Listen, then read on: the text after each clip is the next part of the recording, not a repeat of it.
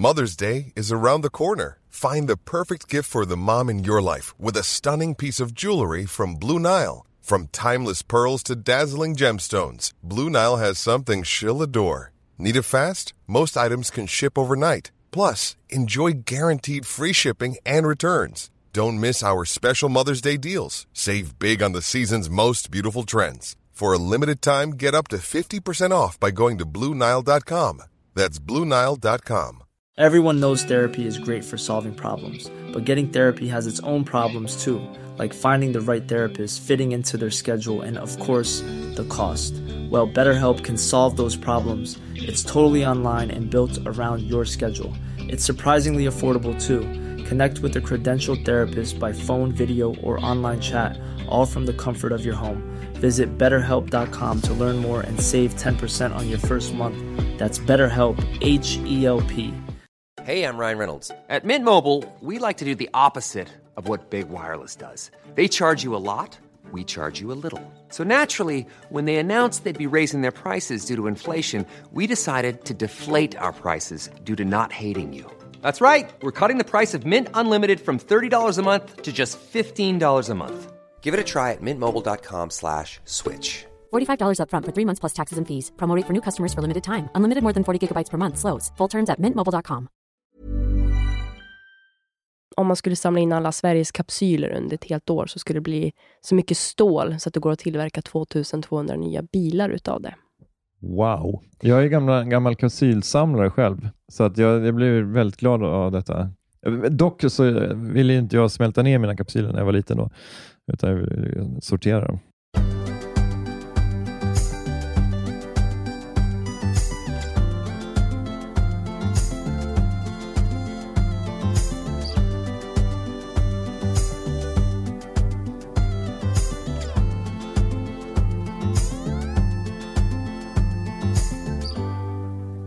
Hej! Idag blir det ett riktigt sopigt avsnitt. Vi kommer nämligen att prata om återvinning, återanvändning och om varför vi egentligen inte ska slänga kuvert i papperscontainern.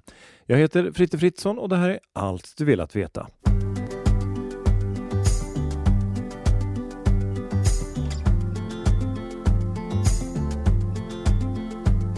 –2021 lämnade vi nästan en miljon ton förpackningar till materialåtervinning i Sverige. Det motsvarar drygt 60 procent av alla förpackningar. Återanvänt har vi gjort länge, men under de senaste årtiondena har system för återvinning av material utvecklats, vilket gör att vi bränner mindre sopor och låter mindre gå till deponi, alltså till soptippar. Den som ska berätta för oss om allt detta och ge oss en del tips om hur vi kan sortera rätt är Nathalie Lindqvist. Hon är samhällsvetare som arbetat som miljöinformatör på Vafab Miljö i Västerås i sju år. Hon driver också Instagramkontot Miljonmedveten och är en av dem som gör podden Let's Talk Rubbish. Varsågoda, allt vill att veta om återvinning med Nathalie Lindqvist. Hej Nathalie, välkommen till Allt vill att veta. Hej och tack så mycket. Eh, du, hur kommer det sig att du började informera om återvinning? Det började egentligen med ett sommarjobb på våra återbruk, som egentligen resten av landet kallas för återvinningscentral. Så det började där 2014 och eh, det var medan jag pluggade på högskolan. Och eh, när jag sen hade tagit examen där 2015 så hoppade jag på ett vikariat och under den tiden så fick jag lite frågor från kollegorna att eh, vad har du tänkt jobba med? Och då sa jag att ja, ja men det här med avfallsbranschen, det är väldigt intressant. Och jag vill nog faktiskt jobba med att informera om den. Och då sa kollegan att men det har vi faktiskt kollegor som jobbar med. Så, um, så det hon gjorde då var att ringa ner min kollega Kai. Och så pratade vi och eh, så sa hon, ja, men jag ska ta med dig att du finns här och att du har det här intresset. Och sen blev faktiskt den här tjänsten som jag har idag, miljöinformatör, eh, ledig där under vintern. Så jag började den här tjänsten februari 2016 och har jobbat med det sedan dess. Underbart, på den vägen. Och vi är väldigt glada att du, du är här idag. Och jag är väldigt glad att, att någon vill informera om de här frågorna, för det, det är en hjärtefråga för mig också. Jag tycker det är, är, jag ska inte säga att jag brinner för det, men det är just det där med när man står där i, i bostadsrättsföreningens eh, gemensamma soprum och sorterar och sådär. Men det kanske vi kan återkomma till. Ska vi börja med att definiera lite begrepp kanske? Men precis det som jag var inne på, att eh, i vår region så kallar vi våra OVC, eller återvinningscentraler, eh, för återbruk. Men det är Mm. exakt samma sak. Men OVC är väl en, så här, en term som man ser i många kommuner. Precis. Och det återvinningscentralen, det är den här stora då, liksom, där man åker med bil oftast då, och där det finns jättecontainrar med allt från ris till porslin till här, olika fraktioner. Det stämmer, det är olika fraktioner. Grovavfall brukar vi säga. Vi tar också emot elektronik och farligt avfall. Och Det är som du säger, det är bemannat. Återvinningsstationerna, det är de här gröna containrarna som brukar stå vid eh, matbutiker till exempel. Och det är bara för förpackningar. Mm. Så det är OVSR förkortat, OVCR som eh, återvinningscentral. Begreppet soptipp, används det, eh, används det fortfarande? Nu hade jag en årskurs fem här innan du kom, så då eh, sa jag soptipp, för att de ska hänga med. Men nej, vi använder faktiskt begreppet deponi idag. Det är i princip samma, men det är ändå olika. Och det är att soptipp hade vi förr, när vi la allt möjligt. Och idag har vi deponier, som det är mer kontrollerat vad det är för avfall och även hur, eh, hur den byggs upp, men även sluttäckningen av det. Men en sån här deponi då, om man ska slänga någon typ av avfall, eh, typ slutslängare eller slutförvarare, liksom måste, hur, hur ska man tänka då under? Eller för jag tänker att det finns grundvattenfrågor som är viktigt att lösa. Mm. Jo, men precis. Det finns ju olika lager som skyddar redan från början. En soptipp, la du direkt på barmark. Eh, men deponier, då, måste du ha, då är det krav på olika lager redan från början. Du ska också se till att det blir eh, ledd till en lakvattenrening, då, en SBR-anläggning som vi har. Då. Så att det är helt andra krav idag. Mm. Eh, är det några fler termer då, när vi ändå är inne på det, som vi ska ha innan vi drar igång? Nej, men det, det var just det, för att vi får ju höra fortfarande idag, ja men jag ska till tippen och sortera. Mm, Nej, du ska till återbruket eller HVC. Just det, precis. Vi har ju återanvänt saker i alla tider, eh, förr kanske ännu mer, men, men när börjar vi återvinna material i modern tid? Ja, om man tittar på det här med modern tid, så är det faktiskt så att eh, glasinsamling kom faktiskt till redan på slutet av 1800-talet. Då började de, eh, de här glasbruken köpa tillbaka så kasserat glas från bryggerierna. Så man kan väl säga att redan där tog det, tog det sin början. Men den moderna glasåtervinningen kom till på 70-talet. Under 80-talet, då så började vi samla in eh, pant. Då startade vårt pantsystem då för burkar. Men jag tänker med, med flaskpant eh, fanns väl tidigare? Tänker då. Alltså så här ölflaskor och sådär, eller? Om du tänker glas, ja. ja. Mm. Mm. Och sen kommer ju då panten i aluminium där mm. på 80-talet. Men den stora om man nu ska säga reformen, tar ju fart 1994. Det är då producentansvaret för förpackningar lanseras, eh, panten på petflaskor kommer, så att man kan säga att återvinningens moderna historia tar början där vid 90-talet. Mm. Men det här med producentansvar då, eh, när det gäller förpackningar, vad innebär det då? Det innebär att du som importerar eller tar hand om en vara som är eh, paketerat, till exempel fyller det någonting, ska också se till att det återvinns. Så att för varje förpackning vi köper idag, till exempel en mjölktetra, i det priset du betalar, så ungefär ett tiotal ören eh, är själva kostnaden för återvinningen. Då. Och idag har vi producentansvar på de här förpackningarna. Papper, plast, glas, metall. Vi hade på tidningar, men det har kommit över till kommunernas ansvar nu. Det är producentansvar på mediciner, däck, elektronik och så vidare. Okej, okay, så, så de, de, flesta grejerna vi köper finns ett producentansvar bakom. Det finns något som kallas för avfallstrappan. Kan du förklara den? Avfallstrappan är ju då ett EU-direktiv som, eh, som EU-medlemmarna e måste såklart följa då, och vi som avfallsbolag också. Och eh, Den har då fem olika steg. Där det första steget, vi räknar ju, vissa vänder på det här, men vi räknar då att första steget är deponera. Andra steget är energiåtervinning. Det tredje steget är återvinning. Fjärde steget är återanvända och femte steget är faktiskt att förebygga avfallet. Och Vi ska ju då jobba utifrån den principen att när vi får in avfall, hur ska vi hantera det? Hur kan vi behandla det eh, så pass högt upp i avfallstrappan som möjligt? Om vi då börjar med det här deponien, som vi redan varit inne på, så, eh, så vill ju vi deponera så lite som möjligt. Och Den här statistiken drog jag faktiskt också precis nu för klassen innan och eh, det var faktiskt så på 70-talet så deponerade Sverige 75 procent av sitt avfall. Mm. Det är ju väldigt, väldigt mycket. Men idag så finns deponiskatten. Eh, det finns ju andra lagar som säger att vi inte får deponera avfall som vi kan faktiskt använda högre upp. Så att idag lägger vi ju inte plast och papper och glas eller mat heller för den delen, som vi gjorde förr eh, schaktmassor och så vidare. Så idag lägger vi faktiskt det som vi inte kan behandla. Och då är vi nere på till exempel asbest. När vi väl får mm. ut det från, från husen när det rivs, så vill ju inte vi få in det i, cirkulärt, i cirkulära systemet igen. Så det är ett exempel vi lägger då. Eh, Så att idag faktiskt så ligger Sverige i topp fem inom EU på att lägga så lite som möjligt. Och det är faktiskt ungefär eh, siffran för 2021 nationellt var 0,9 procent. Det är bra. Vi är otroligt duktiga på det. Eh, det kan jämföras med en del länder inom EU som fortfarande i dagsläget mellan, lägger mellan 90 till 95 procent. Du skämtar? Nej. Vill du nämna några namn eller? Lettland. Lettland? Är Lettland. Ja. Vad heter det? Garbage shaming Mm. är det nu lite grann. Det var ett ja. nytt begrepp där. Ja. Och sen nästa steg då, det är ju då eh, energiåtervinning. Det är att man eldar upp det helt enkelt, eller? Precis, då energiåtervinner vi till exempel restavfallet. Det man, om man bor i hus så kanske man har en grön och brun tunna som vi har i, i vårt eh, område. Eller eh, under diskbänken kan man också säga, är ju restavfallet. Och eh, det skickas då till eh, energiåtervinning och ut får ju vi då fjärrvärmeelementen, vi får varmvatten och vi får el. Och det gör ju också att vi ersätter ju de fossila bränslena.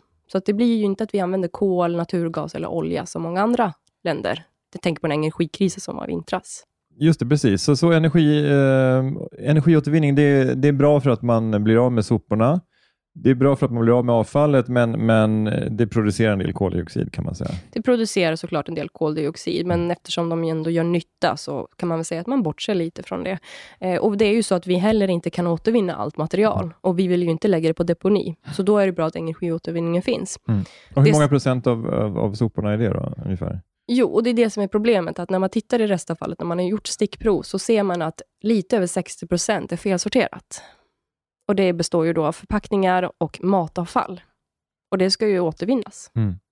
Så att när vi nu, vi har ju en avfallsplan och vi vill ju minska 7 procent av restavfallet till 2030, så behöver vi också komma åt de här mängderna som är felplacerade. Inte bara minska mängden, utan också få det till rätta. Och det är därför du är ute och informerar i skolorna bland annat, för att lära barnen att de måste sortera bättre Ja, än det barnen än föräldrarna gör. Ja, barnen är ju duktiga på det här, så att, eh, där pratar vi mest om ja, men, återvinning, se vad som händer och biogasproduktion. Men när vi träffar vuxna, då trycker vi ju hårt på det här med restavfallet, Mm. att de behöver bli bättre. Precis, då sätter ni det tunga artilleriet. Eh, sen har vi då återvinning, nästa steg på avfallstrappan. Och då, ja, men det är väl enkelt så att man, man slänger brunt eller man slänger färgat glas och, eh, och ofärgat glas i sina respektive containers och sen smälts det ner och blir nytt glas, eller hur? Det är det som är återvinning. Jo, men precis. Det är när man tar våra material och ser till att de kommer tillbaka som någonting nytt. Eh, och Då brukar vi informera om eh, de här olika materialslagen, hur man sorterar ut, hur många gånger de kan återvinnas och varför man främst ska göra det. Det är ju många som idag säger att ja, men jag sorterar. Ja, men vet du varför? Och så blir det tyst. Eh, Det är för att vi svenskar är lite sådär att vi, vi gör det vi blir tillsagda och frågar inte så mycket. Mm. Men då, då trycker vi på det att de här materialen vi använder idag kommer ju från resurser och de finns ju inte i oändlighet. Just det. Utan det, är ju, eh, det är ju bara träd som man nu ska kalla förnybart. Mm. Eh, plasten som kommer från oljan och sanden som vi använder till glas och eh, metallen som kommer från järnmalm från gruvorna är ju material eller resurser som inte finns i överflöd. Just det. Nästa steg på trappan är då återanvändning. Och Då hade vi tidigare ett pantsystem för flaskor, både eh, Systembolagsflaskor och öl och läskflaskor. Där man faktiskt återanvänder flaskorna, men det gick vi ju ifrån. Men det är ju ett exempel på återanvändning. Ja, men precis. Vi brukar fråga om man har syskon och då brukar man kunna ha ärvt kläder. Eh, om man har någon sport eh, som man eh, eh, utövar. Om, det kan ju vara hockeyutrustning till exempel. Cykel kan man ju köpa begagnat, likväl att föräldrarna köper begagnade bilar. Eh, men det är, det, är, det är mycket av det här vi gör som vi inte tänker på. Vi brukar ju säga det till barnen att ni sitter ju i skolbänkar andra har suttit i. Ni eh, äter ju mat i matsalen eh, på bestick och tallrikar som har använts av barn tidigare. Eh, Men sen såklart så har vi ju mer den här eh, där vi behöver bli mer måna om att göra det här mer vanligt. Att faktiskt att är du ute efter någonting, säg att du behöver kläder eller en cykel, ja men kika gärna second hand. Mm. Och Det är ju det som är bra på de här OVC-erna som jag har lärt mig att heter nu, att man kan ju lämna in då gamla leksaker och fungerande prylar där och så kanske det går till någon eh, organisation eller någon, någon kedja som säljer second hand-grejer. Eh, och Det är väl ett jättebra sätt att återanvända på. Ja, eh, det leder oss också upp på det översta steget. Eh, det är som du säger, det är jättebra. Vi har sådana container på vår återbruk, där kunder får donera prylar, eh, Eh, till exempel möbler eller husgeråd och sånt. Och sen har vi också textilinsamling separat, som du säger, det här går till återanvändning. Problemet här dock, är att de här contain containrarna är ju ständigt överfulla. Och det är ju för att när de kommer sen till våra återbruk, så eh, det är inte saker som slängs, eller det är inte so det är trasiga saker som slängs. Och Det är det som blir problemet, att när sen de här second hand-butikerna ska tumma, det är klart att de blir glada att få in saker, men det blir ju ett sånt eh, överflöd, för att vi är mer benägna sen att åka och köpa nya saker, än att åka och stötta de här butikerna. Mm.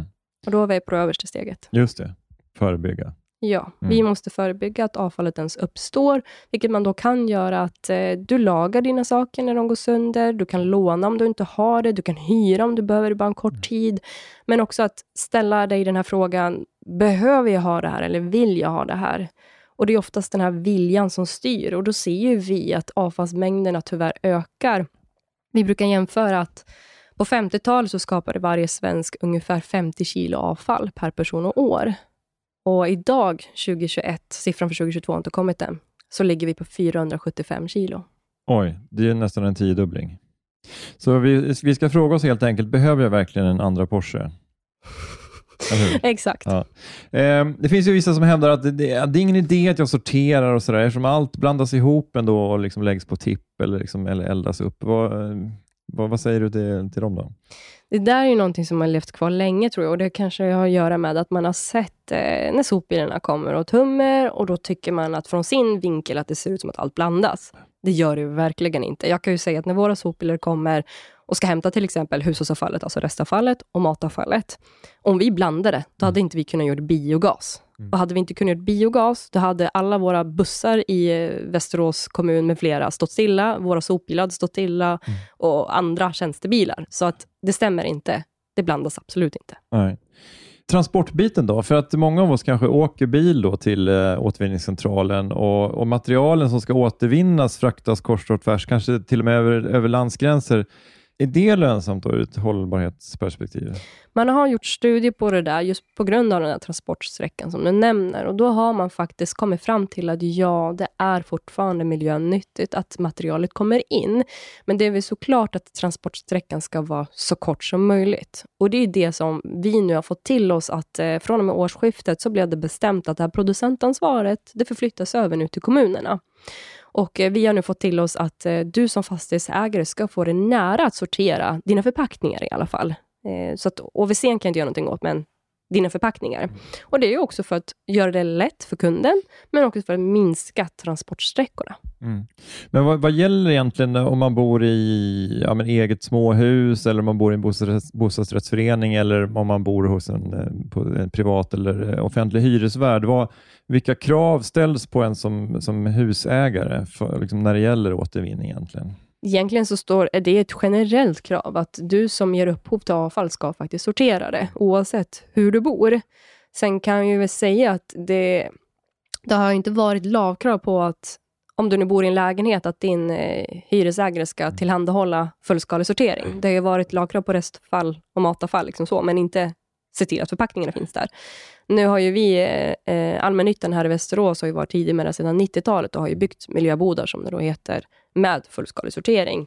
Så det är mycket här i fall som har varit med från början. Men som, som villaägare, det är klart, det, du har ju haft dina två skäl.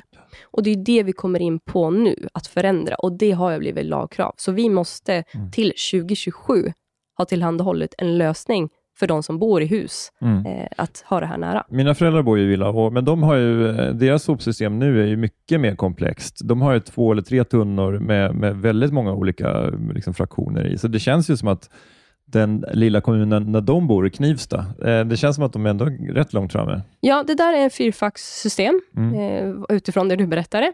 Och Det är också en lösning som vi tittar på, Mm. utifrån att vi då ska gå ifrån den gröna och bruna tunnan. Eh, enbart. Vi ska hitta på lösningar och det där är en lösning som vi har kikat på. Sen Mm. får man ju se vad som passar lämpligast för oss. Man måste kika på, på väldigt mycket olika parametrar. Vi hade faktiskt en workshop förra veckan eh, och det var ju då eh, mina kollegor från eh, transport, från kundservice eh, med mera och vi satt ju och diskuterade de här frågorna. Vi måste, vi måste ju se hur arbetsmiljön blir, effektiviteten, flexibiliteten, kundservice med mera.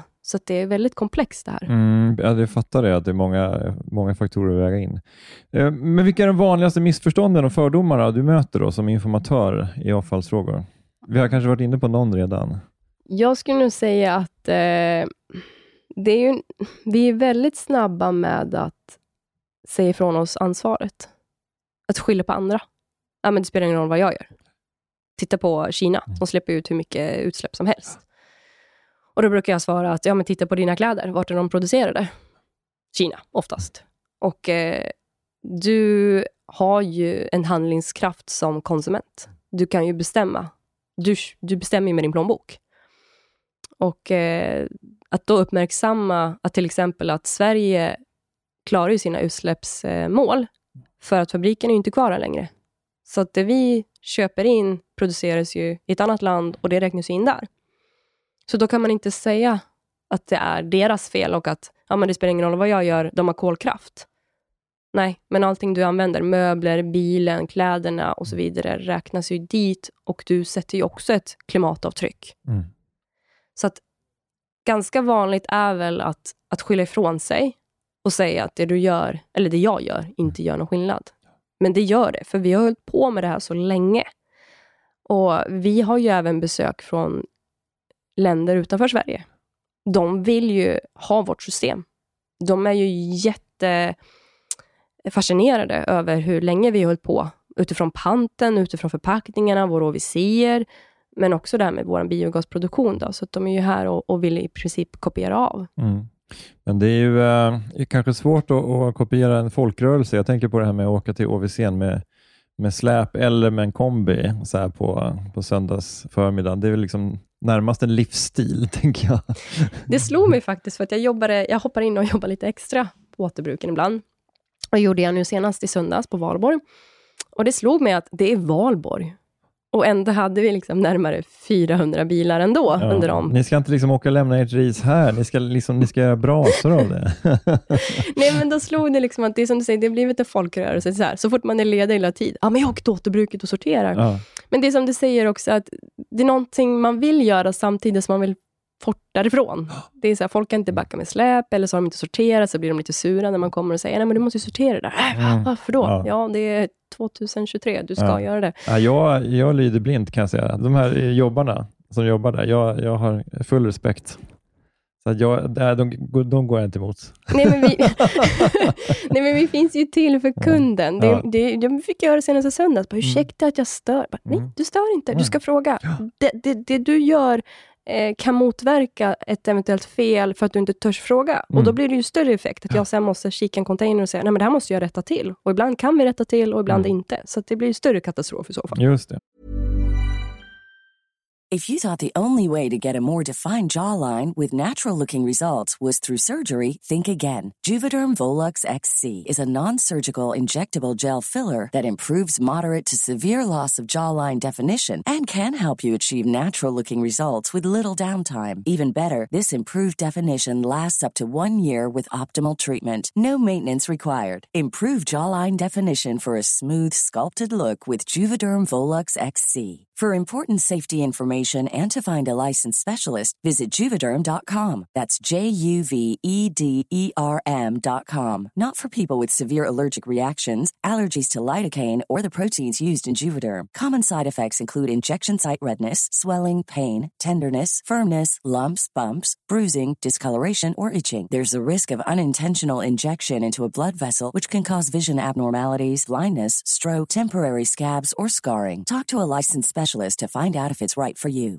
A lot can happen in three years, like a chatbot may be your new best friend. But what won't change? Needing health insurance. United Healthcare Tri Term Medical Plans, underwritten by Golden Rule Insurance Company, offer flexible, budget friendly coverage that lasts nearly three years in some states. Learn more at uh1.com. Burrow's furniture is built for the way you live. From ensuring easy assembly and disassembly to honoring highly requested new colors for their award-winning seating, they always have their customers in mind. Their modular seating is made out of durable materials to last and grow with you. And with Burrow, you always get fast, free shipping. Get up to 60% off during Burrow's Memorial Day sale at burrow.com slash ACAST. That's burrow.com slash ACAST. burrow.com slash ACAST. Ni lyssnar på Allt du velat veta. Jag sitter här med Nathalie Lindqvist och vi pratar ju återvinning, sopsortering, kärt barn har många namn. Ska vi gå in lite grann på det här med då detaljfrågor kring hur man ska tänka och vad man ska undvika för fel. Först då, hur viktigt är det att materialet är helt rent? Alltså ska jag diska ur Bregottförpackningen eller vad gäller det? Det räcker med att du bara sköljer ur faktiskt. Eh, för det, varför vi säger att det ska sköljas ur, det är dels för, eh, för din egen skull, att det inte ska ge upphov till lukt. Och eh, är det så att du inte har en miljöbot, utan du måste åka till de OVS-erna, så är det så att eh, är det mycket matrester kvar, så kan den locka till sig skadedjur, råttor och fåglar till exempel. Eh, sen är det faktiskt så att om det är för mycket matrester kvar, när det kommer till de här eh, återvinningsanläggningarna, så det är ju vågar som kan också väga materialet som kommer in. Och eh, om det är för mycket matrester kvar, så bedömer de, kan den bedöma att det här går inte att återvinna, för det är matrester kvar. Mm. Så det är främst bara skölj mm. inget mer med det, för din egen skull, men också för så småningom när det kommer fram. Då. Mm. Vi har ju barn och de har ju såna här uh, syltflaskor som man, att man trycker ut sylten och De är rätt supersvåra att, att öppna och, och diska ur. Alltså det, jag vet inte om de är designade för att man ska kunna öppna dem överhuvudtaget. Hur, hur gör man då? då? Ja, men, så, så gott som det är tomt. Ja. Det, det funkar. Ja. Lite sylt har ingen dött av. Nej. Nej. Inte ens ett sånt här avancerat plaståtervinningssystem. Att man ska lägga kuvert i pappersinsamlingen eller papperscontainern, det känner kanske många till. Varför är det så? Det är ju egentligen två anledningar och den främsta är ju att det är klister på dem. Samma sak med post-it-lappar mm. och det trasslar in sig i pappersmassan. Och den andra är faktiskt av den anledningen att det inte är producentansvar på kuvert. Mm. Om, man, man har, om man har vanligt skrivarpapper, ska man slänga, kan man slänga det i tidningscontainern? Det går jättebra att lägga det bland tidningar. Mm. Sen, sen är det, nu kommer jag in på en, en detaljfråga här. för Eh, ibland är det så grejer som man, ah, är det tidningar? Är det kartong? Till exempel man får så här från, från olika mäklare. Så här, nu har vi sålt eh, i ditt område, så här, anlita oss. Och Det är lite så här, det är inte brevpapper, eller det är inte så här 80 grams papper. Det är liksom kanske 120-150 gram. Det är nästan kartong. Liksom. Hur ska man tänka där? Jag brukar säga att är det bläddarbart så kan du lägga det bland tidningar. Mm. Och annars så är det ju pappersförpackningar. Just det. det vill lyfta det vi, med... Det, det vi lite slarvigt kallar för kartong kanske? Ja, jo. Ja. men just för att det står faktiskt pappersförpackningen när mm. du ska sortera. Sen ja. är ju kartongen typ som kan läggas där. Just det. det jag vill bara förtydliga är att många tänker så här, papper som papper. Så att ibland när jag har kikat i sorteringen så kan det ligga pappersförpackningen som mjölktetra, men det kan också ligga tidningar, men det kan också ligga hushållspapper, mm. för att kunder tänker papper. Nej, det ska läggas som restavfall. Eh, vanliga dricksglas då, som går sönder, kan man slänga dem i ofärgat? Nej, eh, och det är för att dricksglas har en annan kvalitet än förpackningsglaset. Så när man ska sortera ut i de här glasbehållarna så är det enbart för flaskor och burkar som du då köper i butik. Allt annat, nu utgår jag lite ifrån hur vi har i vår region, men eh, nu är det nog så pass eh, utbrett, så att har man dricksglas, eller spegelglas, eller fönsterglas, eller skålar och sånt, så brukar det finnas en separat sortering för det på deras OVC. Och mm. vi har då en sån, och det går ju till en annan slags återvinning.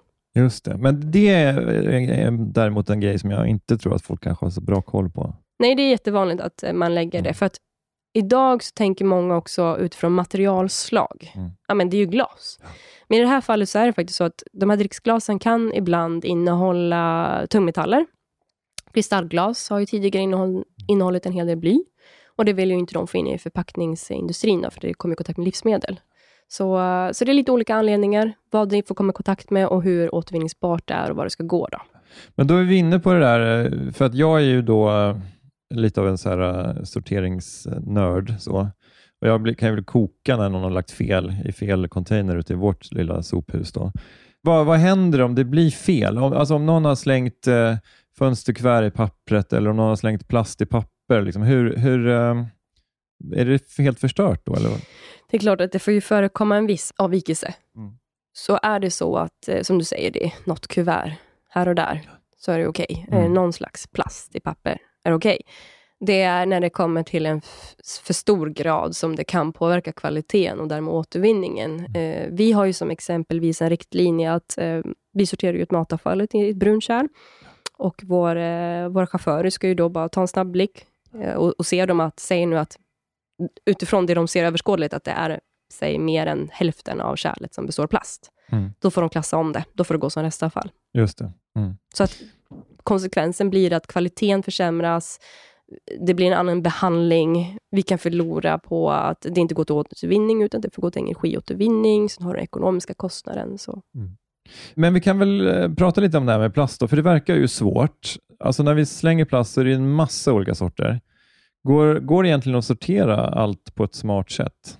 Det är ju i så fall om man egentligen skulle få det här med att det utsorteras från materialslaget.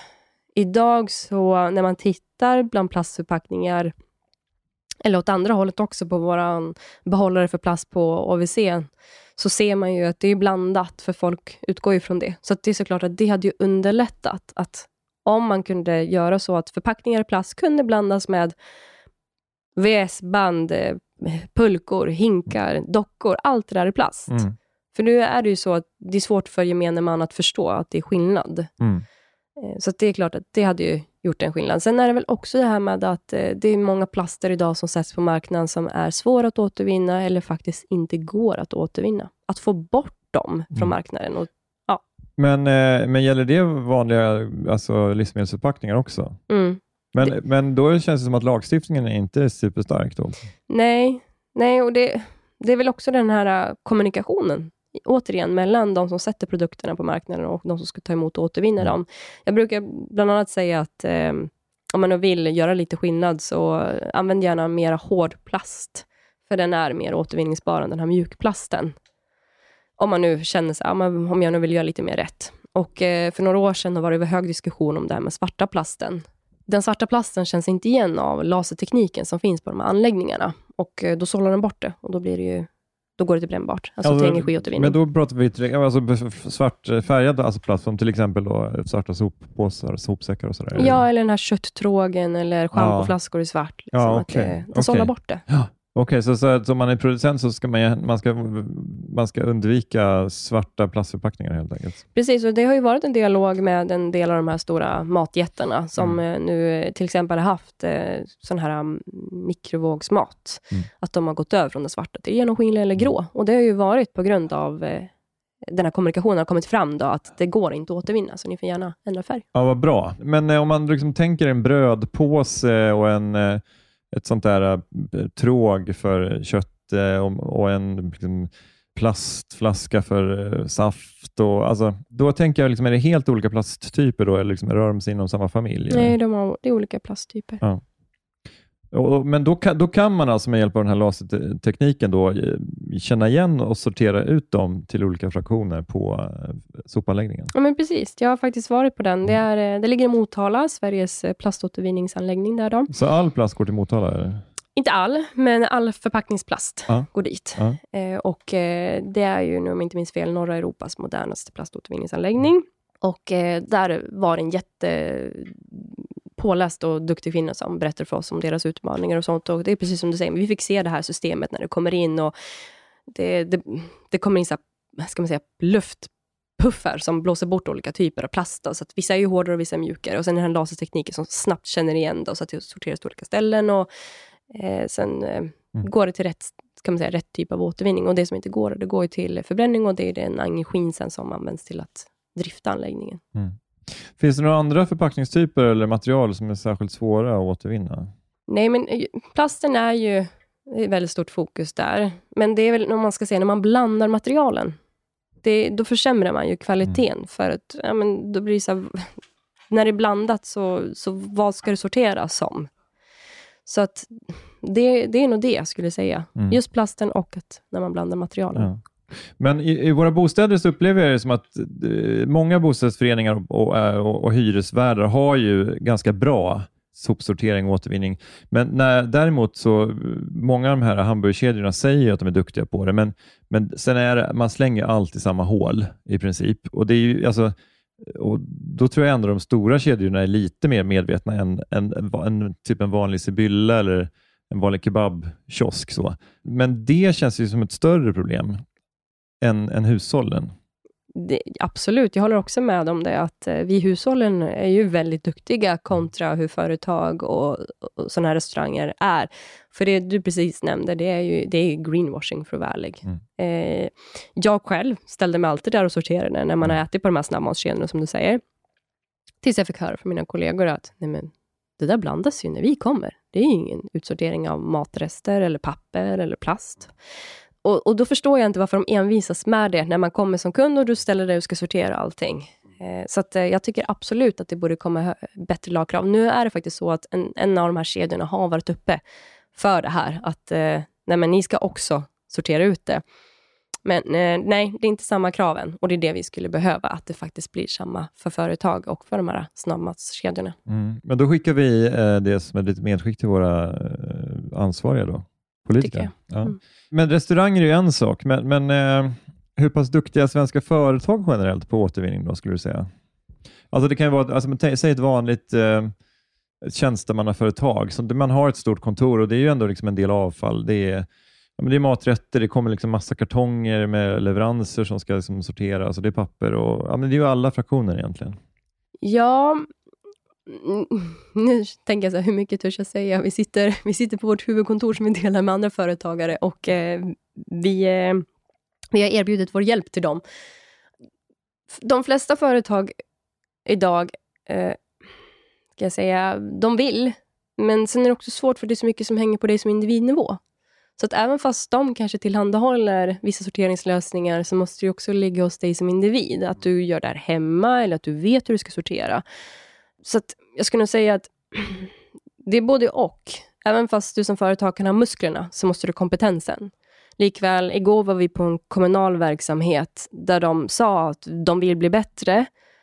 Eh, och då krävs det också att fastighetsägaren tillhandahåller lösningen, men återigen också kompetensbygger personalen så att man gör rätt från början. Men det är också lite svårare kanske, för att om jag är hemma i mitt kök, så då är det matrester. Då vet du, det, är liksom det, det blir ju där i köket när jag lagar mat och det är där man någon äppelskrott, man vet att man lägger det i den kompost lilla påsen där under och sådär. Och sen så är det plast och papper och allt det där. Sånt. Men, men eh, om man sitter på ett jättestort kontor och sen så alla kanske vet att ja, men papper lägger jag liksom i en speciell pappersbehållare på mitt rum om jag har ett eget rum. Men så här äppelskrottet, liksom, ska, då, ska jag då lägga det på, liksom, ska jag ha en liten, liten påse för då äpplen och banan på mitt rum och så ska jag ta med den varje gång jag går och fikar. Alltså det, blir, det är ju svårigheter där, tänker jag. Jo, men det är ju så. Vi brukar säga, vi har ett ledord och det är att det ska vara lätt att göra rätt. Och precis som du säger, det, där, det, det blir ju så, man orkar inte. Mm.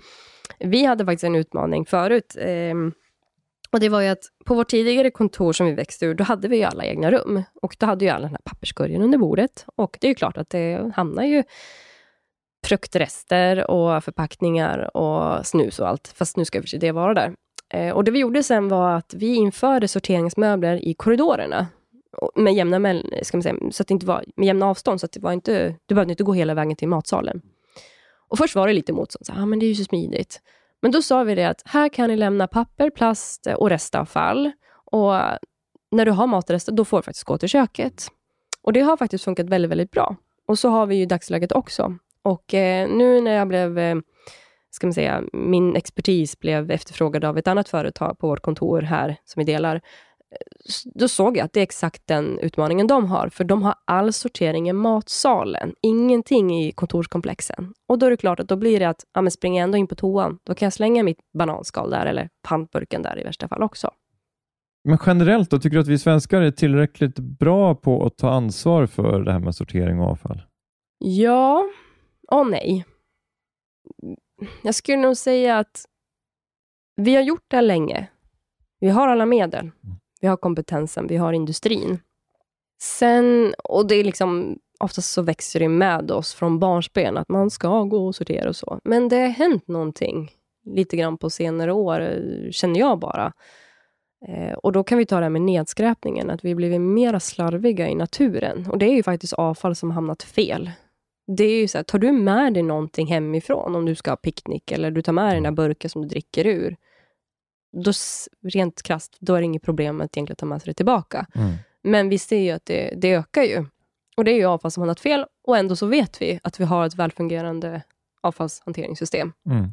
Så att Det är både ja och nej, men om vi nu ska gå till ja, om man tittar utifrån hur vi behandlar vårt avfall, hur lite vi lägger på deponi, hur mycket vi energiåtvinner, hur, och att vi jobbar oss uppåt mot våra... Vi har ju återvinningsmål för varje förpackningsslag. Vi har återvinningsmål för, för pantsystemet. Att, att, eh, vi har i Sverige 90% av all pant som sätts på marknaden ska komma tillbaka och vi är uppe i 86-87 så att vi jobbar oss uppåt. Så vi blir ju bättre. Men någonstans där så ser jag också en viss försämring. Mm. Jag tänker på det på sommarhalvåret när man eh, går ut i parker i, i städerna. Då, folk älskar ju att vara ute såklart och då sitter man där och dricker lite öl och vin och har med sig hempizza eller så här, grillar med engångsgrillar och sådär. Så det, det känns ju som, som att sopmängderna i det offentliga rummet har ökat också de senaste 10-15 åren och kanske att kommunerna inte riktigt har hängt med där.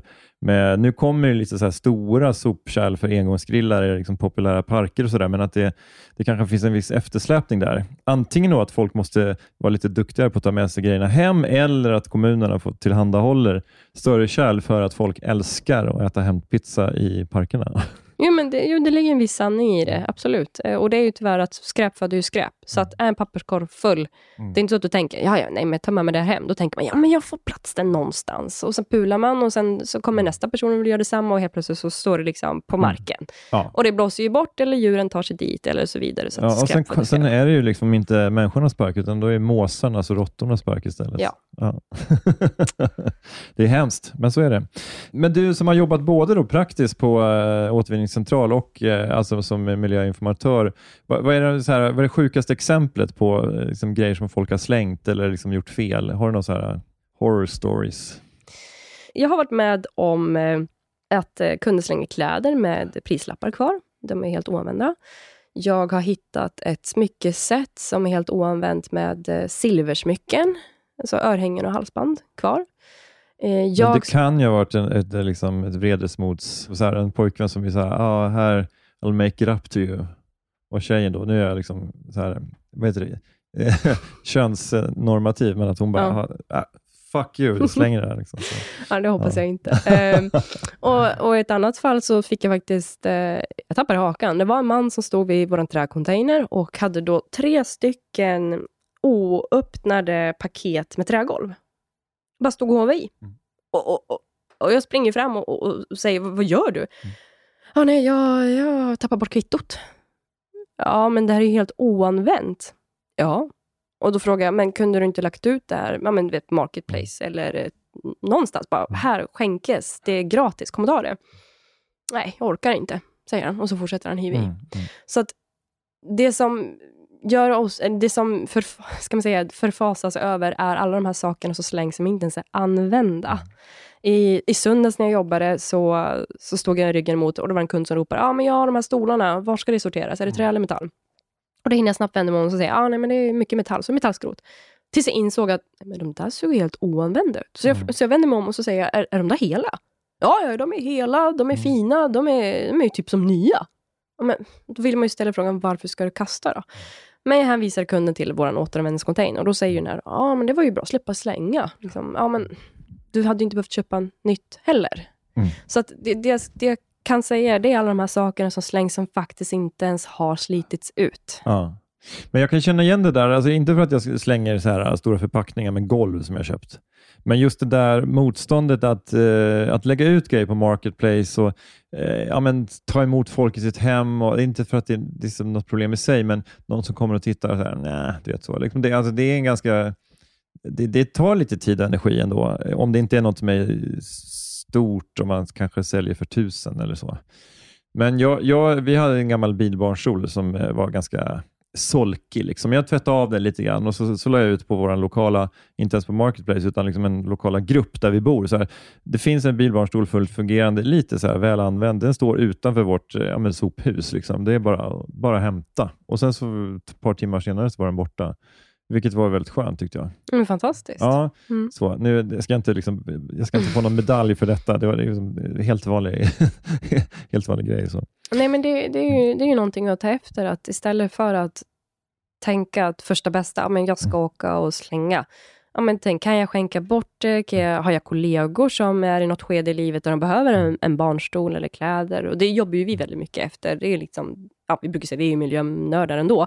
Så att då blir det ju, när man sitter i matsalen, bara, ah, nej men nu ska jag ha barnbarn, eller nu är en kollega gravid. Ja, men jag har kläder kvar, jag har, jag har spjälsäng, jag har... Alltså, just för att eh, det inte ska tas till återbruket, även fast det är vi som driftar dem. Och det känns ju så mycket bättre att få skänka bort något som är helt och fungerande. Mm. Och då är vi ju på den här avfallstrappan. Precis. Men det finns några spännande projekt eh, som har med återvinning att göra, eh, som du skulle vilja berätta om. Alltså, vad, hur ser framtiden ut? Ja, men då är det precis som jag nämnde, att vi nu står inför den största förändringen, att vi ska införa fastighetsnära insamling. Det ska bli lättare för dig att sortera ut. Så det, det är ju någonting som alla Sveriges kommuner kommer genomföra. Så det är en stor förändring som kommer medföra förmodligen en ökad återvinning. Det blir en bättre sortering då. Eh, sen är det väl också något som skulle bli, ska man säga, medföra att återvinningen blir enklare och effektivare. Det är just där man skulle kunna gå över till eh, materialslaget. Att det inte är, behöver vara förpackningar, utan det är faktiskt utifrån material. Och sen också något som infördes för ett par år sedan, som successivt håller på att ta över, det är att vi har infört ett nordiskt skyltsystem. Så det innebär att eh, om du ska sortera dina förpackningar eller mm, grovavfall i plast, möbler, elektronik, så är det ett nordiskt system med symboler och färgkoder, som gör att du faktiskt kan sortera, oavsett om du är i Sverige eller Danmark, så att du ska veta vart det hör hemma. Mm. Och eh, om man är lite observant så ser du redan de här symbolerna på dina förpackningar idag när du köper. Förut så kunde det bara stå sortera som plastförpackning. Idag hittar du också en symbol, också i färg. Och Det är någonting som vi håller på att ska man säga, införa nu på våra, vi har ju 18 stycken återbruk. Och, och Det kommer ske nu under året. Så då byter vi ut de nuvarande skyltarna så att det blir de här färgerna med symbolerna så att du ska känna igen med förpackning till vilken container det ska sorteras. Det låter jättebra, för jag har ju då eh, börjat bli lite så här ålderssynt, alltså eh, långsynt. eh, Alltså, och då, de här, den här texten sorteras som papper eller plast, den är ju väldigt liten på de här förpackningarna. Mm. Då måste man ju ta, ta fram de här beryktade läsglasögonen som man köpt på OKQ8 för 79 kronor då. Eh, Så det, de här färgkoderna låter ju som ett, ett steg, en steg i rätt riktning. Ja, men just att det är färg och även en form och inte bara text. För är, nu är vi också många ska man säga, nysvenskar alltså, som inte kan läsa. Då är det Mm. bra om symbolen med färgen förtydligar. Perfekt. Men det här med, med nudging och beteendeekonomi, det har blivit ganska poppis de senaste åren, både på Nobelprisnivå men även då eh, praktiskt. Just det här med hur man då kan styra människor att göra medvetna val. Är det någonting som ni tänker mycket på inom eh, miljö och återvinningsbranschen? Ja, det är det ju. Eh, jag kan ju säga att om man tittar hur en eh, miljöbod eller soprum är uppbyggd, så, så, så är ju klart placeringen viktig. Utifrån att ibland så vill inte du som privatperson gå hela vägen in. Så då är också placeringen viktigt att vi sätter restavfallet närmst, så att det inte förstör sorteringen av de andra förpackningarna. Eh, vi har haft ett samarbete med allmännyttan här, eh, Mime, då, i eh, Västerås, där vi, ska vi se, om det är fem stycken miljöbodar, som vi gjorde olika delprojekt i, att man eh, målade om också, så att väggarna, varje fraktion fick sin väggfärg, så förtydliga, större skylt, mindre text, en grön symbol för det här vill vi ha, en röd, ett rött kors för nej, det vill vi inte ha, eller kryss då heter det En, eh, en eh, skylt som hängde ovanför matavfallet, att här vill vi ha matavfall men ingen plast i. Eh, Så att vi har jobbat lite med sånt, att det ska bli mer attraktivt att gå in i ett soprum. Idag öppnar de flesta bara dörren och slänger in. Eh, jobbar lite med, eh, ja, finns en bod som fixar fågelkvitter och så här, tack för att du sorterat. Eh, vi det sattes ett klistermärke på dörren också, att eh, ja, men tänk på att grovavfall ska tas till återbruket. Så lite sådana små saker. Mm. Ja, men det där med soptunnor som pratar, det är ju liksom, har ju kommit nu. I Stockholm finns det ju då eh, soptunnor offentliga som bara säger typ tack, tack eller någonting sånt där. Och barnen älskar ju det där. Mm. Eh, sen, men det blir ju att de står på den här fotbrädan och så säger, blir det tack, tack. Så. Men det, det får man väl får man bjuda på. Men det är, det är ju ett sätt att liksom, ja, men, eh, göra det lite roligare Mm. och slänga grejer helt enkelt. Ja, men precis. Och det är ju någonting vi också tittar på när man utvecklar återbruken. Kan vi göra det roligare på något vis? Som du säger, kan man göra det roligare för barnen? Nu tycker för sig barnen att det är redan roligt, men kan man få någon röst som säger någonting kul, så kanske det blir ännu roligare att sortera rätt. Mm. Men det är en övergripande fråga. Hur gör man egentligen och hur gör ni för att nå ut till de som varken är intresserade eller kunniga kring återvinning? Rent krasst så är det ju så, vi kommer aldrig kunna nå ut till alla. Mm. Det är ju så, vi är ju individer. Vissa är mottagliga än andra. Och har du bestämt dig så har du bestämt dig. Eh, någonting som jag avskyr att höra när man jobbar på återbruket, det är ju allt brinner i rätt temperatur. Och den får ju mina kollegor höra rätt så ofta. Låt mig gissa, är det, för, är det medelålders gubbar som säger det? Nu var det du som sa det. Mm. jag vill inte Jag är, jag är en medelålders gubbe, så jag, jag får ju skämta om sånt där. Ja, nej men det, ja, jag har aldrig hört en kvinna säga det för att vara ärlig. Ehm, nej men, eh, jag och mina kollegor är som sagt ute och träffar främst barn, men vi träffar ju vuxna och SFI och, och bostadsrättsföreningar och håller miljöutbildning för företag med mera. Och det märker man ju vilka man träffar.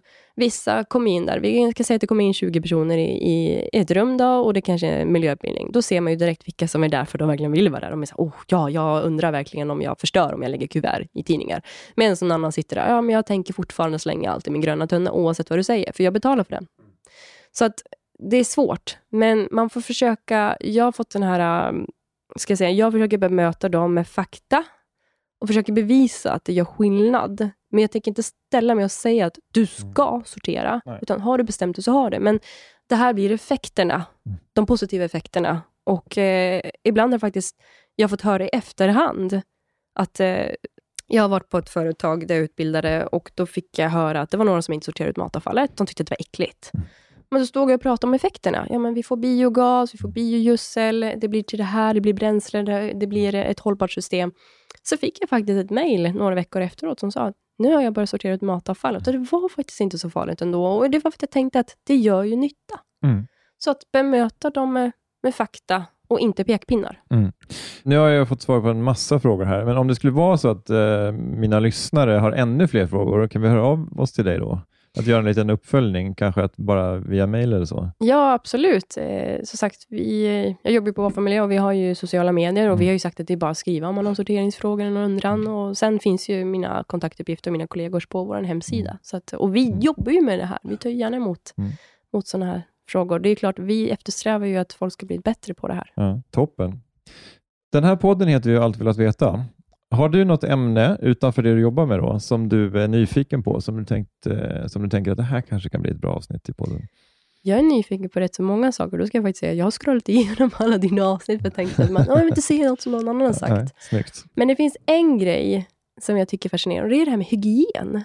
Man pratar ju mycket om att vi är ju så renliga. Och det har vissa pratat om att det är lite konsekvens med det. Att man kanske, ja, vad det sägs, att ja, men vi behöver lite skit under fingrarna ibland för att immunförsvaret.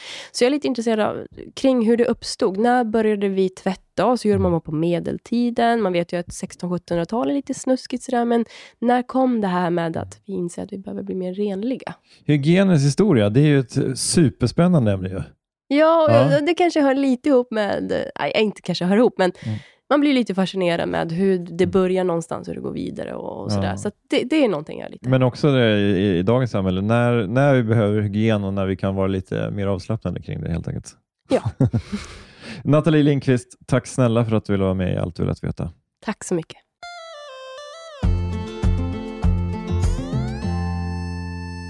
Det var mig en bra genomgång. Följ gärna Nathalies konto på Instagram. Det heter miljömedveten. Där får du tips and tricks om allt möjligt kring återvinning och miljö. Vi som gör den här källsorterade podden heter Fritte Fritzson, Ida Wahlström och Marcus Tigerdrake. Podden produceras av Blandade budskap och presenteras i samarbete med Acast. Tack för att du har lyssnat.